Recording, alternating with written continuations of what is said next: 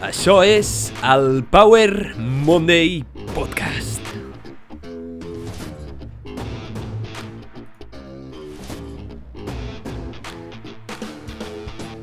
Benvinguts al Power Monday Podcast. Soc en Pau, el teu apassionat de fitness, inspiració i ciència. I en aquest podcast, cada setmana et porto un missatge, personatge, concepte o eina poderosa per ajudar-te a descobrir com desbloquejar la grandesa que tens dins teu i viure millor gràcies a la ciència, l'exploració i el coneixement. Estic molt agraït de que m'acompanyis avui i espero que aprenguis molt en aquest episodi. Som-hi! Aquest és l'episodi número 61 del Power Monday Podcast. Estem vivint una pandèmia que sembla no tenir final. Amb la variant Omicron, aquesta nova variant de la Covid-19 està augmentant el nombre d'infectants de manera exponencial. Per sort, amb la vacunació i millors procediments, i també per sort, aquesta variant no és tan intensa, molta gent pot superar la Covid a casa seva sense patir per la seva vida. Entre ells, jo mateix. Aquesta setmana he passat la Covid-19 i he experimentat els seus símptomes en la meva pròpia pell. Així doncs, he empatitzat amb tots aquells que agafen la Covid uh, la grip, un refredat, una galipàndria, un trencasso, un catarro i tots aquells que estan com una sopa i he recopilat informació útil perquè estiguis millor i actuïs de la millor manera possible quan estiguis malalt a casa.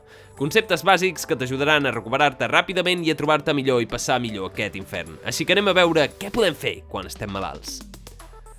D'acord, és probable que si escoltes això ara mateix estiguis malalt o coneguis algú que ho està. En aquest episodi parlaré de malaltia fent referència a processos gripals, refredats comuns, la Covid-19, gastroenteritis, diarrea i altres patologies lleus que es poden superar a casa i que a més solen ser d'origen viral. Aquestes, tot i que són lleus, poden ser un infern quan estàs a casa sense un metge que t'aconselli i a vegades acabes fent estupideses que encara et poden perjudicar més o simplement et preguntes si pots fer unes coses o hauries de fer unes altres. Per això tens aquest episodi com un resum de pràctiques basades en l'evidència, la ciència i el sentit comú perquè superis com si res aquestes malalties i a més a més et portaré algunes eines que et poden ser molt útils, però tingues present que també aquest episodi és una mica una sobresimplificació perquè no puc agafar i parlar de totes les patologies i explicar-ho tot. Anirem al que és essencial i en el que coincideixen totes aquestes malalties perquè tu puguis treure'n el màxim profit. D'acord? Abans de res, t'animo a que et subscriguis al Power Monday Podcast i que el comparteixis. Em pots trobar també a Instagram a Power Monday Show. Ja està la feina feta, així que anem a començar realment amb aquest episodi. D'acord, estàs malalt. O algú proper teu està malalt i sembla que no es troba del tot bé. Què fem? Què hem de fer? Primer de tot, qualsevol d'aquestes malalties té dos aspectes claus a tenir en compte. I amb aquests dos aspectes t'hi has de quedar el tractament i el seguiment del malalt i l'aïllament i la neteja o protecció. Per tant, dos aspectes, el pacient i els altres. Hem de tractar i seguir el que està malalt i hem d'aïllar i protegir els que no ho estan. Aquests són dos principis bàsics que molta gent no té en compte i que hem de tenir molt presents. Començarem a parlar en aquest episodi amb el tractament i després parlarem breument de l'aïllament i la neteja. Som-hi! El tractament. La veritat és que no recordem lo bé que estem fins que ens posem malalts i veiem la merda que és estar malalt. Pot arribar a ser un martiri i un infern. Nàusees, vòmits, malestar, mareig, febre... Ja saps de què parlo, tots ho hem experimentat una vegada o una altra. La majoria d'aquestes patologies d'origen víric, és a dir, que tenen origen en un virus, quan t'infecta un virus, tenen una durada de 7 a 14 dies. I la seva recuperació es basa en els mateixos principis generals i aquests es basen en com respon el nostre cos, com es defensa el nostre organisme per fer front a aquestes malalties. Sí, hi han virus que causen uns símptomes i hi han virus que en causen uns altres, però podem dir que coincideixen en trets en comú. El consell més important de tots te'l donaré ara mateix, i és paciència. Si estàs passant per un procés viral, tingues paciència, perquè el teu cos és savi i es recuperarà en el temps que necessiti. El que sí que podem accelerar és l'expressió dels símptomes. És a dir, la malaltia no se n'anirà més ràpid de 7 a 14 dies. El virus estarà allà dins fins que el teu sistema immune l'elimini, i això porta un temps. El que sí que podem controlar són els símptomes, és a dir, com et trobes i com de bé tu passes tenint un virus dins teu, eh, liant la parda dins del teu organisme. Val, doncs anem a veure què hem de fer quan estem malalts o quan tenim un malalt. Primer, hauríem de seguir tres coses bàsiques que ens permeten saber com estem, com està el pacient, com està la persona, sense haver d'utilitzar tecnologia ni d'haver d'anar a un hospital. Aquestes tres característiques són la temperatura, la respiració i la hidratació. Seguir això ens permet saber l'estat del pacient i també el dolor el podríem afegir, però que consti que el dolor és un mal marcador. Llavors, primer de tot, la temperatura. La temperatura en un cos normal sol estar de 35 a 37 graus, val? Queda't amb aquest rang perquè a molta gent se li oblida. 35 a 37. La temperatura corporal és el resultat del balanç entre la producció de calor, que fa l'organisme i la pèrdua de calor.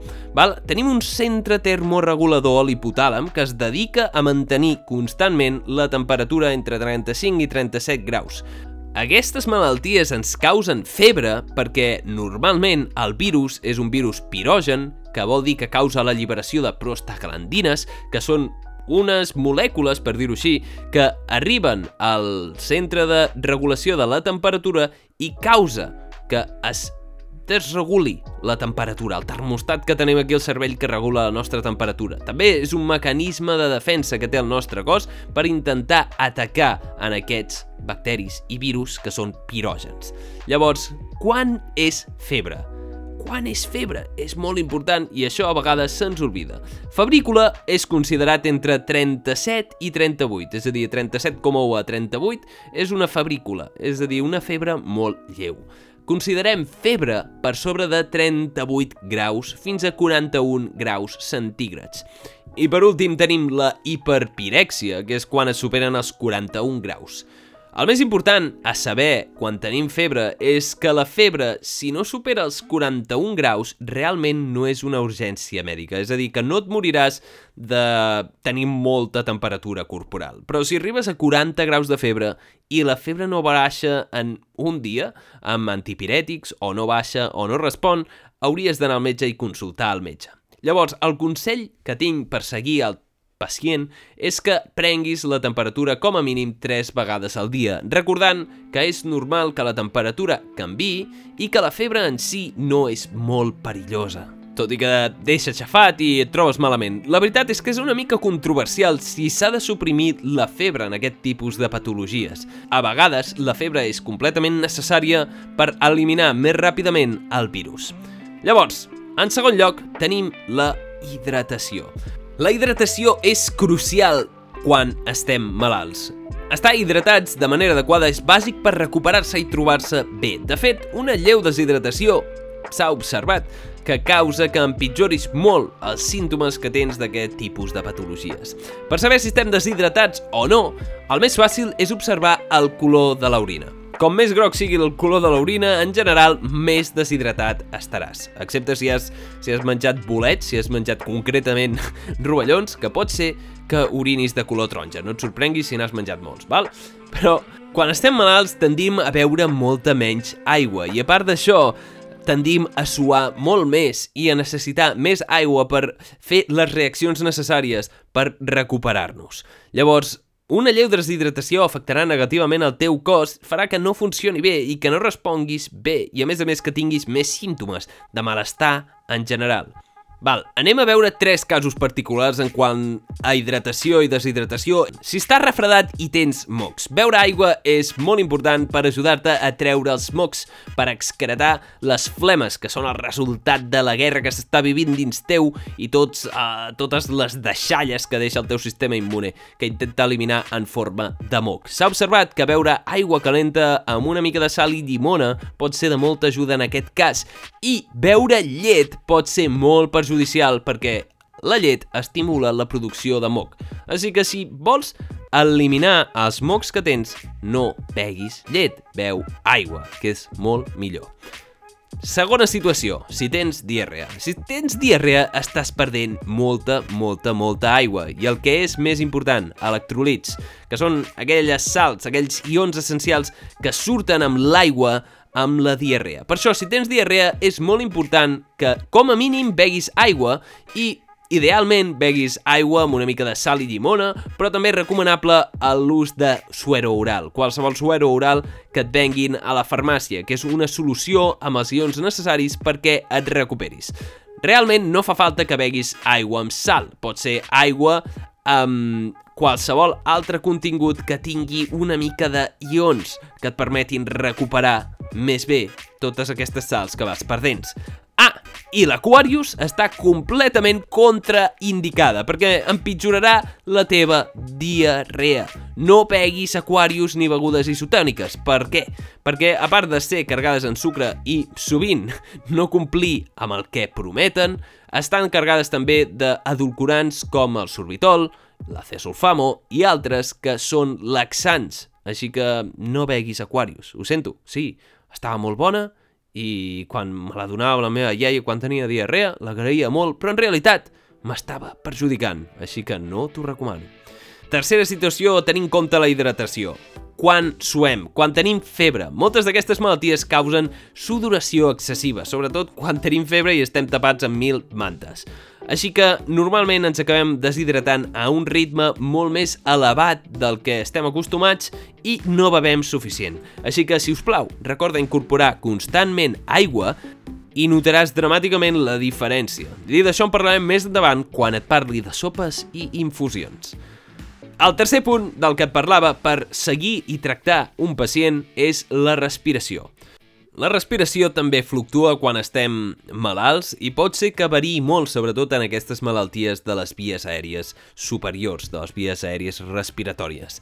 En primer de tot, he de dir-te que si t'ofegues seriosament i notes que t'estàs ofegant, truca al 061 o al 112 i vés al metge. En els temps de Covid que estem ara mateix, et recomano que paris especial atenció a l'hora d'ofegar-te i que si t'ofegues seriosament, truquis al metge. Val? No volem Covid fulminant per ningú.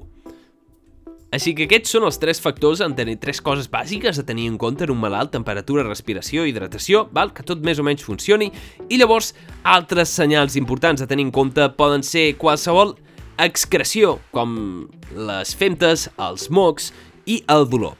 Dins de les femtes, els mocs, és a dir, la, la, la caga, bàsicament, hem d'observar si hi han sang. Qualsevol cosa que tingui sang mal, mal assumpto, mal assumpto. Quan veiem sang, de vegades repetit, eh, ja sigui en mocs o en deposicions o orina, el més important és que truquem al metge i que els contactem perquè potser el que estem passant no és un procés viral, sinó que és una altra cosa. Llavors, un professional ho jutjarà molt millor que tu. També, si tens vòmits continuats, tos amb sang o dolors aguts, que no disminueixen en repòs, has d'anar al metge, trucar al 061 o trucar al 112. Parlant d'anar al metge, una persona una vegada em va dir Existeixen tres tipus de persones. Els que van a l'hospital per qualsevol cosa, els que no van a l'hospital per res i les persones sensates. Els que van a l'hospital per qualsevol cosa molesten el personal i són els causants de les cues quilomètriques innecessàries a l'hospital que molta gent odia. Els que no van a l'hospital per res són aquells que es fan els valents i acaben anant tard al metge a buscar ajuda mèdica i es fan més mal a ells mateixos dels que volen admetre i dificulten molt la recuperació. I llavors estan les persones sensates, que són aquelles persones que van a l'hospital quan ho necessiten justament. Et recomano que siguis el tercer tipus de persones i que vagis a l'hospital i vagis a buscar ajuda mèdica quan necessitis de debò. Intentem no saturar el sistema sanitari i intentem anar al metge i no fer-nos els forts perquè no han donat mai un premi a ningú per aguantar-se el dolor i aguantar-se una malaltia. Ara et recordo també que amb la tecnologia pots fer una trucada molt ràpida al 061 al 112 en un moment qualsevol personal sanitari t'atendrà, t'assessorarà i trobarà la millor manera d'ajudar-te. Perquè anem al mecànic per arreglar el cotxe quan no ho sabem fer nosaltres, oi? Doncs fer el mateix amb la teva salut és probablement el més sensat. Quan no sàpigues què fer, contacte amb un professional. Llavors, anem a per l'apartat que interessa a tothom. Què em puc prendre quan estic malalt? Què em puc prendre? Què et pots prendre per recuperar-te de grip, del refredat, del Covid? És una bona pregunta a fer un farmacèutic. I ara bé, quan jo, com a farmacèutic, dic Uh, here comes the money! Val, la resposta és que et pots prendre moltes coses. I potser la meva resposta et decepcionarà. No hi ha una beguda màgica, una poció, una fórmula que pugui curar el Covid, ni la grip, ni la gastroenteritis que tens. La veritat és que la millor medicina és la paciència, descansar, nutrir-se adequadament, hidratar-se constantment i dormir. No hi ha dreceres, el teu cos requerirà temps i la millor manera de recuperar-se ràpid és viure de manera saludable. Bum, val? No et vendré cap suplement, no et vendré res miraculós, i no t'intentaré convèncer de que em compris res. Ara bé, per tractar els símptomes, és a dir, per tractar com s'expressa la malaltia, um, sí que ens podem prendre algunes coses. Sí que podem ajudar a que aquest procés tan dur sigui menys dur. Ara entrarem, doncs, a parlar de medicaments i per aquells que no ho saben o que no ho recorden, faré una breu explicació del paracetamol i l'ibuprofè, que són dos medicaments que sempre tenim a casa i que molts utilitzem malament, afectant negativament a la nostra salut i a la nostra recuperació. Així que anem a veure per què serveixen i com te'ls has de prendre perquè serveixin d'alguna cosa. Primer de tot, el rei dels medicaments, el paracetamol. El paracetamol actua com analgèsic i antipirètic. Què vol dir això? Això vol dir que serveix per disminuir el dolor que percebem i la febre. Val? Ens permet disminuir la temperatura del nostre cos quan tenim febre. Per tant, el paracetamol no serveix per baixar la inflamació. No, no és un antiinflamatori. Val? La dosis per un adult és de 1 gram cada 8 hores. 1.000 mil·ligrams és igual a 1 gram val? cada 8 hores, 3 vegades al dia. Tot i que et recomano que si pots passar d'un gram a 650 grams es pot tenir en compte, perquè no cal prendre's la dosis més elevada per tenir el benefici. El paracetamol va molt bé per ajudar-nos a millorar el malestar general. Per aquesta sensació que ens trobem malament, el paracetamol te la pot ajudar a treure. Per la majoria de les malalties lleus, el paracetamol és una gran ajuda. S'ha de tenir en compte que tots els medicaments tenen efectes adversos i el paracetamol no és una excepció. El paracetamol és hepatotòxic, és a dir, que fa mal al teu fetge. I millor no prendre-se'n gaires. De fet, no es recomana superar la dosis superior a 3 grams diaris per tal d'evitar el dany hepàtic. En segon lloc tenim l'ibuprofè. Què és l'ibuprofè? L'ibuprofè és un AINE, és un antiinflamatori no esteroideu. I com tots els medicaments d'aquesta família, és un medicament antiinflamatori, analgèsic i antipirètic. Té aquestes tres funcions, és a dir, et serveix per baixar la inflamació, per baixar el dolor i per disminuir la febre.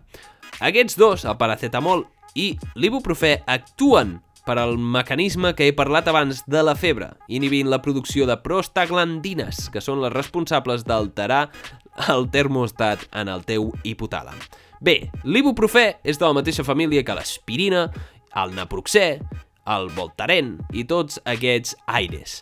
L'ibuprofè és molt útil per ajudar-nos a baixar la inflamació i és també una bona ajuda per baixar la febre, tot i que el paracetamol sol estar més indicat.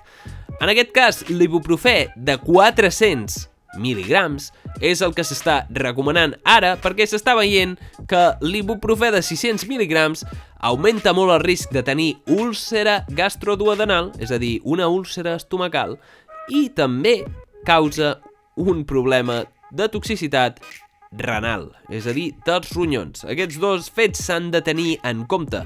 L'ibuprofè també es prenen cada 8 hores amb 400 mg sent la dosis recomanada actualment i no es recomana superar les dosis recomanades de 600 mg cada 8 hores seria el límit màxim.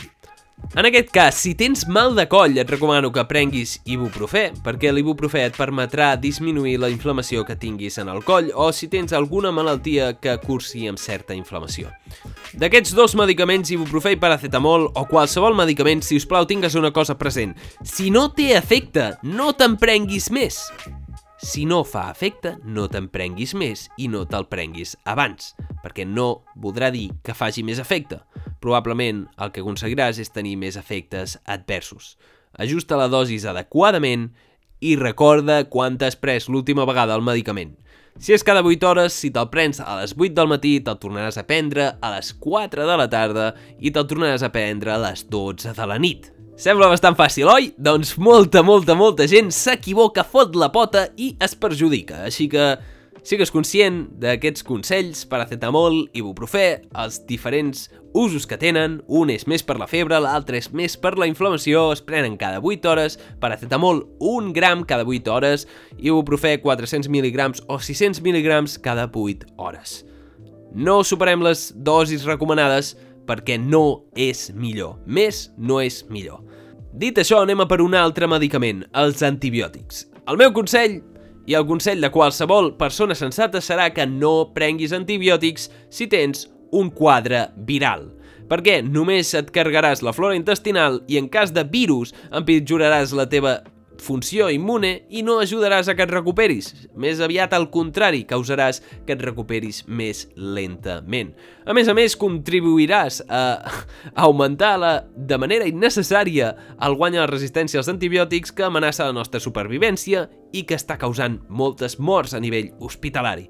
Els antibiòtics són per matar bacteris, no per matar virus. Espero que quedi clar i no ho dic en un toc condescendent, simplement és un recordatori que és molt important tenir en compte. Els antibiòtics s'han de prendre sota prescripció mèdica. D'acord? Així que si no et recuperes del virus, si us plau, no vagis al teu botiquín i et prenguis els antibiòtics que et van sobrar l'última vegada que em vas comprar. D'acord? No faràs res de bo. Aquest és un consell bastant important, un error que he vist molt comú que molta gent ha comès um, quan està malalt. Ara vull parlar-te d'un altre grup de medicaments, els antigripals. Els antigripals són aquest conjunt de medicaments que presenten diferents principis actius, és a dir, dins del mateix producte presenten diferents principis actius, com el frenadol, com el farmagrip, com totes aquestes formulacions que t'ajuden a parar la grip i a trobar-te millor, parar el resfriado. Llavors, per ser honest, estan bastant bé i realment estan ben formulats i tenen diferents principis actius que et poden ajudar amb diferents coses, um, però solen ser excessivament cars. El que vull dir amb això és que normalment amb un paracetamol pots pal·liar els símptomes fàcilment. I una caixa de paracetamols et val 2,50. En canvi, una caixa de frenadol o una caixa de farmagrip et sol pujar els 10 euros i hi van uns 10 sobres. El preu és bastant diferent i realment el resultat no és tan important perquè el que necessites en general és temps i amb un paracetamol tindràs la gran part dels efectes que necessites per recuperar-te.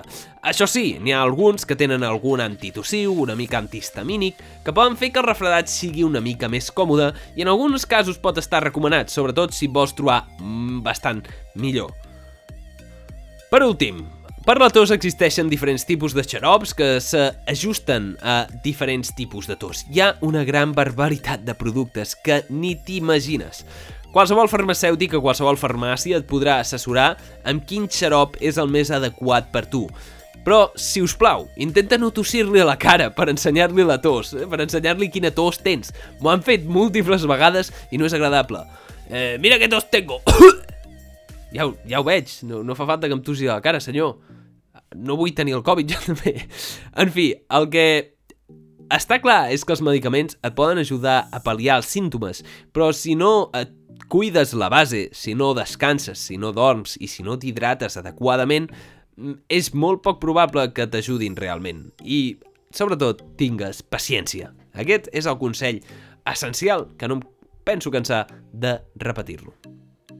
A part del tractament farmacològic, hi ha una cosa molt recomanable, i és que et prenguis sopes i infusions quan estàs malalt. Aquestes han demostrat ser un dels millors aïllats al llarg de la història per ajudar-nos a recuperar. A la cultura catalana tenim una de molt recomanada que és la sopa d'all amb farigola, que pot ajudar moltíssim a recuperar-te de qualsevol refredat. Les sopes i infusions són molt hidratants, aporten nutrients essencials i funcionals que poden ajudar-te a tu i al teu sistema immune. Les infusions i les sopes són brutals per recuperar-te, t'ajudaran moltíssim. Hi ha dues coses que et puc recomanar que utilitzis quan facis infusions i sopes. L'all i el gengibre. L'all conté el compost alicina, que pot tenir propietats antimicrobianes i antivirals. Afegir un suplement d'all a la teva dieta, és a dir, afegir all cru, pot reduir la gravetat dels símptomes del refredat i, segons afirmen algunes fonts, fins i tot podria prevenir la malaltia en primer lloc. Però fan falta més estudis per veure si realment l'all serveix per prevenir el refredat. Llavors, en segon lloc tenim el gengibre. I el gengibre, els beneficis que ha demostrat són increïbles. Um, S'ha promocionat des de segles, però ara tenim proves científiques de les seves propietats curatives.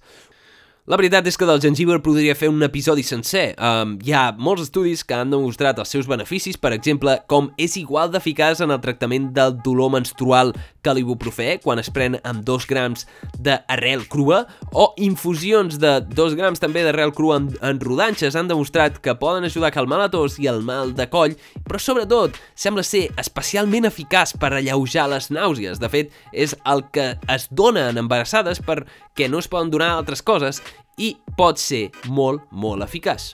Barat, accessible i realment útil. All i gengibre és el combo, el wombo combo perfecte per recuperar-te de pràcticament qualsevol procés viral. Llavors, la farigola també ha demostrat ser antisèptica, antimicrobiana i també te la recomano per afegir-la dins de les teves sopes i infusions. La veritat és que les sopes poden alhora ser molt nutritives i fàcils de fer. Sense haver d'estar tot el dia cuinant, simplement afegeix una mica de caldo, llegums, cereals i algun aliment nutritiu i saludable que és molt hidratant i t'ajudarà a evitar aquesta deshidratació de la que parlàvem al principi. Llavors, eh, ara ve la pregunta que molta gent es fa quan està malalt. Puc fer exercici físic? Puc fer exercici? Puc seguir entrenant per evitar perdre els gains? La resposta depèn. L'activitat física lleu o moderada pot estar bé quan tens un refredat comú si no tens febre. L'exercici fins i tot et pot ajudar a sentir millor i et pot ajudar a obrir les vies nasals, però has d'escoltar primer el teu cos. Com a guia general, tingues en compte això. L'exercici sol estar bé si els teus símptomes estan per sobre el coll i aquests símptomes de refredat comú com secreció nasal, mocs, tos, esternuts, mal de coll, podeu fer exercici. Però pensa en reduir la intensitat i la durada del teu entrenament en lloc d'anar a tope. Val? No vagis eh, per totes en un entreno en el que estiguis malalt. No fagis exercici si tens símptomes per sota el coll, és a dir, congestió, tos intensa, malestar, dolor estomacal... I no fagis exercici, sobretot, si tens febre, fatiga o dolors musculars generalitzats. Deixa que el teu cos sigui el guia, el teu cos sap més que tu què has de fer. El teu cos està passant per un procés estressant, està vivint una guerra dins teu i l'últim que necessita és que l'estressis més. I tranquil o tranquil·la, no perdràs els gains, fins i tot pot ser realment beneficiós descansar de l'activitat física durant una setmana. Dins d'un mesocicle, per exemple, de construcció de massa muscular, sempre és recomanable fer una setmana de descarga. Yoga i estiraments suaus sí que pot arribar a estar indicat i que no poden causar-te cap mal. Recorda que si decideixes fer exercici quan estàs malalt, redueix la intensitat, perquè si l'intentes fer a elevada intensitat, pot ser que t'arrisquis a patir lesions innecessàries o que la malaltia empitjori. D'acord? L'exercici físic s'ha de practicar quan es pugui. No passa res si descanses una vegada, una setmana. D'acord? Dit això, deixa'm parlar-te de descans. Ara ve la segona pregunta. Quanta estona has de dormir? Has d'estar descansant tot el dia o has d'estar dormint tot el dia quan estàs malalt? La resposta és el temps que faci falta. Per tant, tornant a la paciència una altra vegada. El son és necessari per recuperar el teu cos. I quan dormim s'activen uns processos que no estan actius del sistema immune que són necessaris per fer front a moltes malalties. Per tant, dormir en aquest moment pot ser més necessari que mai. Dóna-li el temps que necessita el teu cos, pots dormir molt i si després d'un cop ja hagi passat la malaltia, et trobes més cansat i que has de dormir més temps, llavors pots consultar-ho amb el metge per veure on es troba l'origen d'això. Però quan tens grip, refredat, diarrea, vòmits i tot això, dormir i descansar és essencial perquè el teu cos es recuperi, perquè està vivint una guerra dins seu i no necessita que l'estressis més per altres bandes. Llavors, també és recomanable que facis respiracions i meditacions. La veritat és que no existeix molta evidència científica al respecte, però recentment ha crescut l'ús de tècniques de respiració per modular la resposta immune. Un exemple d'això és la respiració de Wim Hof. Aquesta respiració va demostrar que pot pal·liar els símptomes en un quadre gripal induït per E. coli, en un estudi van agafar un grup control i un grup experimental i els van injectar la toxina de coli, una toxina que indueix malestar general semblant a un refredat, nàusees, vòmit, mareig, febre, un quadre gripal, bàsicament. Les persones que van realitzar el mètode de respiració de Wim Hof van ser capaces de controlar la seva resposta immune i no tenir pràcticament símptomes, a diferència del grup control que va tenir molts símptomes. Per tant, el més probable és que utilitzant les tècniques de respiració puguis modular el teu sistema nerviós simpàtic i la teva resposta immune. Pots mm, modular els símptomes que expresses. Com pots fer aquesta tècnica de respiració? Doncs bé, ara te l'explico. El mètode de respiració de Wim Hof consisteix en tres rondes de 30 a 35 inhalacions profundes, seguit per una expulsió de l'aire, mantenir l'aire un minut, fer una hipòxia, i després inhalar i aguantar durant, durant 15 segons. Pots trobar una respiració guiada de Wim Hof a internet, te deixo a, als enllaços de la descripció. Jo personalment ho he practicat aquests dies amb el Covid i m'ha ajudat realment molt, és amb el que he notat més benefici. Quan he fet un parell de rondes de Wim Hof, realment m'he notat millor. Si vols més informació pots trobar um, l'episodi sobre respiració de Power Monday Podcast també a l'enllaç en la descripció on parlo d'això i molt més de com pots modular la teva fisiologia amb la respiració. Quan estàs malalt, meditar també pot ser útil, però també et recomano que descansis. Meditar i fer respiracions conscients segurament no serà la cura dels teus problemes, però segur que tampoc et causarà mal. Per últim, hem de tenir una cosa present quan estem malalts, la nostra nutrició. El més important és menjar bé, i no m'enrotllaré aquí. No mengis menjar basura, ric en sucres, ric en greixos refinats, encara que sembli deliciós i que creguis que tu mereixes perquè estàs passant per un mal moment i estàs fet merda, t'estàs en realitat fent un fals favor, així que intenta menjar el millor que puguis quan estàs malalt, així t'ajudaràs a recuperar-te. Te'n recordes al principi que et parlava de dues coses a tenir en compte? Tractament i seguiment de la persona i aïllament i protecció dels altres? Doncs anem a parlar molt ràpidament sobre l'aïllament i la neteja. Aquest punt és molt important. Primer de tot, el més important és que la persona que estigui malalta s'aïlli. S'aïlli i es distanci de les persones que no ho estan, com a mínim 2-3 metres, si pot ser en una altra habitació, i quan hi hagi un possible contacte, portar mascareta i rentar-se les mans molt sovint. Rentar-se les mans no cal gel hidroalcohòlic, pot ser amb sabó durant uns 20 segons i tan sovint com tu vulguis. És important no compartir estris de roba, habitació, amb coses que la gent infectada utilitza, si és possible. I sé que la prevenció pot semblar avorrida a vegades, així que deixa'm que et recordi una frase de les millors ments de la nostra era, Albert Einstein. Va dir així, la gent intel·ligent soluciona problemes, els genis els preveuen. Prevenir és millor que curar, sempre. Així que no volem que gent agafi la malaltia que tingui la persona malalta de manera innecessària. Intenta netejar, aïllar i evita el contacte innecessari. I per últim, deixa'm esmentar una cosa. Cadascú és diferent. Cadascú viurà de manera diferent el virus, el Covid, la grip i altres. Tot això dependrà de molts factors, d'exposició, de genètica, de l'estat, de l'estrès, de la salut física, del que mengem... Els símptomes poden ser molt variables de persona a persona. Per tant, procura escoltar el teu cos. Sigues honest amb tu mateix i respecta't. Si sents que estàs bé, estàs bé, però recorda que els teus amics i familiars poden també infectar-se i no treguis conclusions precipitades de les situacions que no entens totes les variables. Si no tens tos però tens Covid, si us plau, no vol dir que t'hagis recuperat i no vol dir que puguis sortir a repartir Covid o qualsevol altre virus que estiguis passant.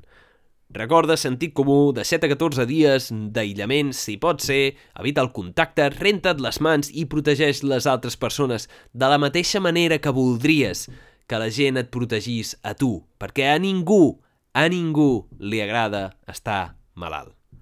Aquests són els meus consells i principis bàsics per sobreviure eh, quan estàs malalt a casa.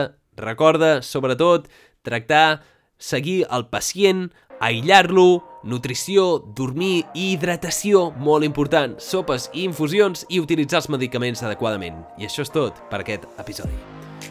Moltíssimes gràcies per haver escoltat aquest episodi. Espero que t'hagi agradat molt o t'hagi aportat una mica de valor. Recorda, si t'ha agradat, si us plau, comparteix aquest episodi amb alguna persona que creguis que el necessiti, alguna persona que creguis que estigui malalt o utilitza tots els principis que puguis per estar millor.